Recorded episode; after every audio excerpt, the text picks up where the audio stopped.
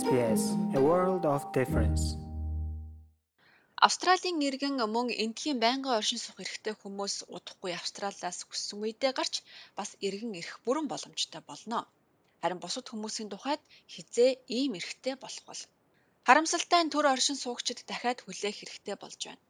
Одоо зарим нь ирэх өдрүүдэд энэ шийдвэрийг гарчих болов хэмээн найдаж нислэгийн тийзээ захиалах эсгээ шийдэж чадахгүй сунаа нэгэн гэр бүлийн жишээг энд дурдж болно.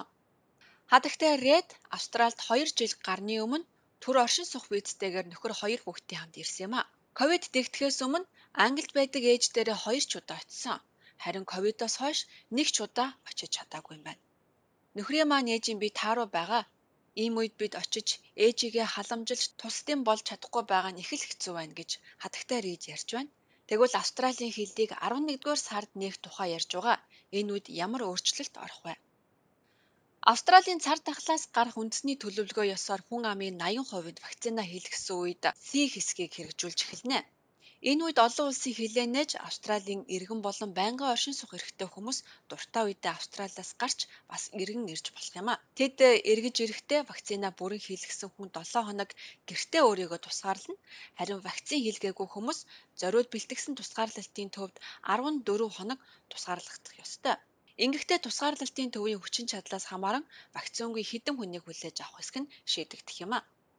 Харин төр оршин суугчдад энэ удаагийн шийдвэр хамааралгүй байна.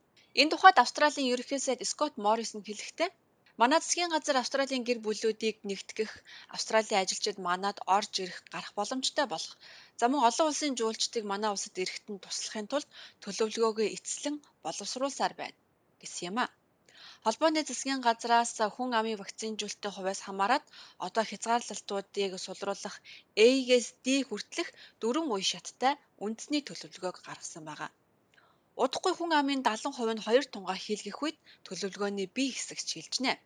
Өнөөдрийн байдлаар 69% вакцинжуулалт хүрээд байгаа. Ингээд 80% хүрэхэд C хэсэг шилжих юм. За энэ үед Австралийг аюулгүйгээр нээж, аюулгүйгээр нээлттэй байлгах гол зорилготой.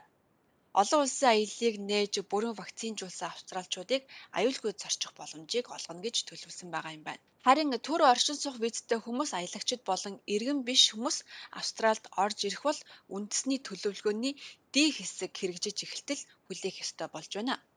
За төлөвлөгөөний D үе шат эхлэхэд Австрали улс олон улсын хөлийг нээн вакцин хийлгэсэн хүмүүс ямар нэгэн хорой цээргүй орж ирэх бол вакцин хийлгээгүй аялагчдыг нислэгийн өмнө нь болон дараа нь шинжилгээнд хамруулан орж ирэхийг зөвшөөрөх юм байна. Гэхдээ энэ үе шат яг хизээ эхлэхийг баттай зарлаагүй байгаа юм. Энэ бүхэн ер нь шудраг биш санагдаж байна. Бид татвараа төлж бас энд ирэх визний төлбөрөөч төлсөн. Гэтэл бид яагаад иргэн орж иж болохгүй байгаа талаар ямар нэгэн тодорхой шалтгаан алга гэж хатагтай рид ярьж байна. Ер нь төр оршин суух визтэй хүмүүс хизээж Австралиас явж болно. Хамгийн гол нь тэд иргэн ирэх боломжгүй байгаад гол учир байгаа юм. Хувь хүмүүс Австралид иргэн ирэхийн тулд тусгай зөвшөөрлийг авах ёстой. Харин хадагтай ридийн хувьд эргэж ирэх эрхээ авч чадах эсэгтэй эргэлзэж байгаа юм байна. Уг нь тэд эх оны улаан өндөгний баярыг гэртээ тэмдэглэж ээж болон найзуудтайгаа уулзахыг хүсэж байгаа. Тэгэхээр одоо тэд тийзээ захиалах эсгээ шийдэж чадахгүй тодорхой хариу хүлээсээр байна. Австралийн аялал жуулчлалын агентлагуудын холбоо бол энэ салбартаа хамгийн том байгууллага гэж болно.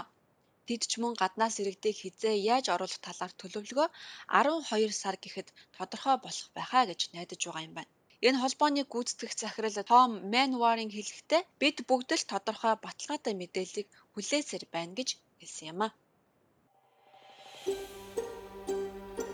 Бидний хүссэн газраас сонсоорой. SBS радиогийн аппликейшнийг SBS.com.cg радио апп хаягаар татаж аваарай.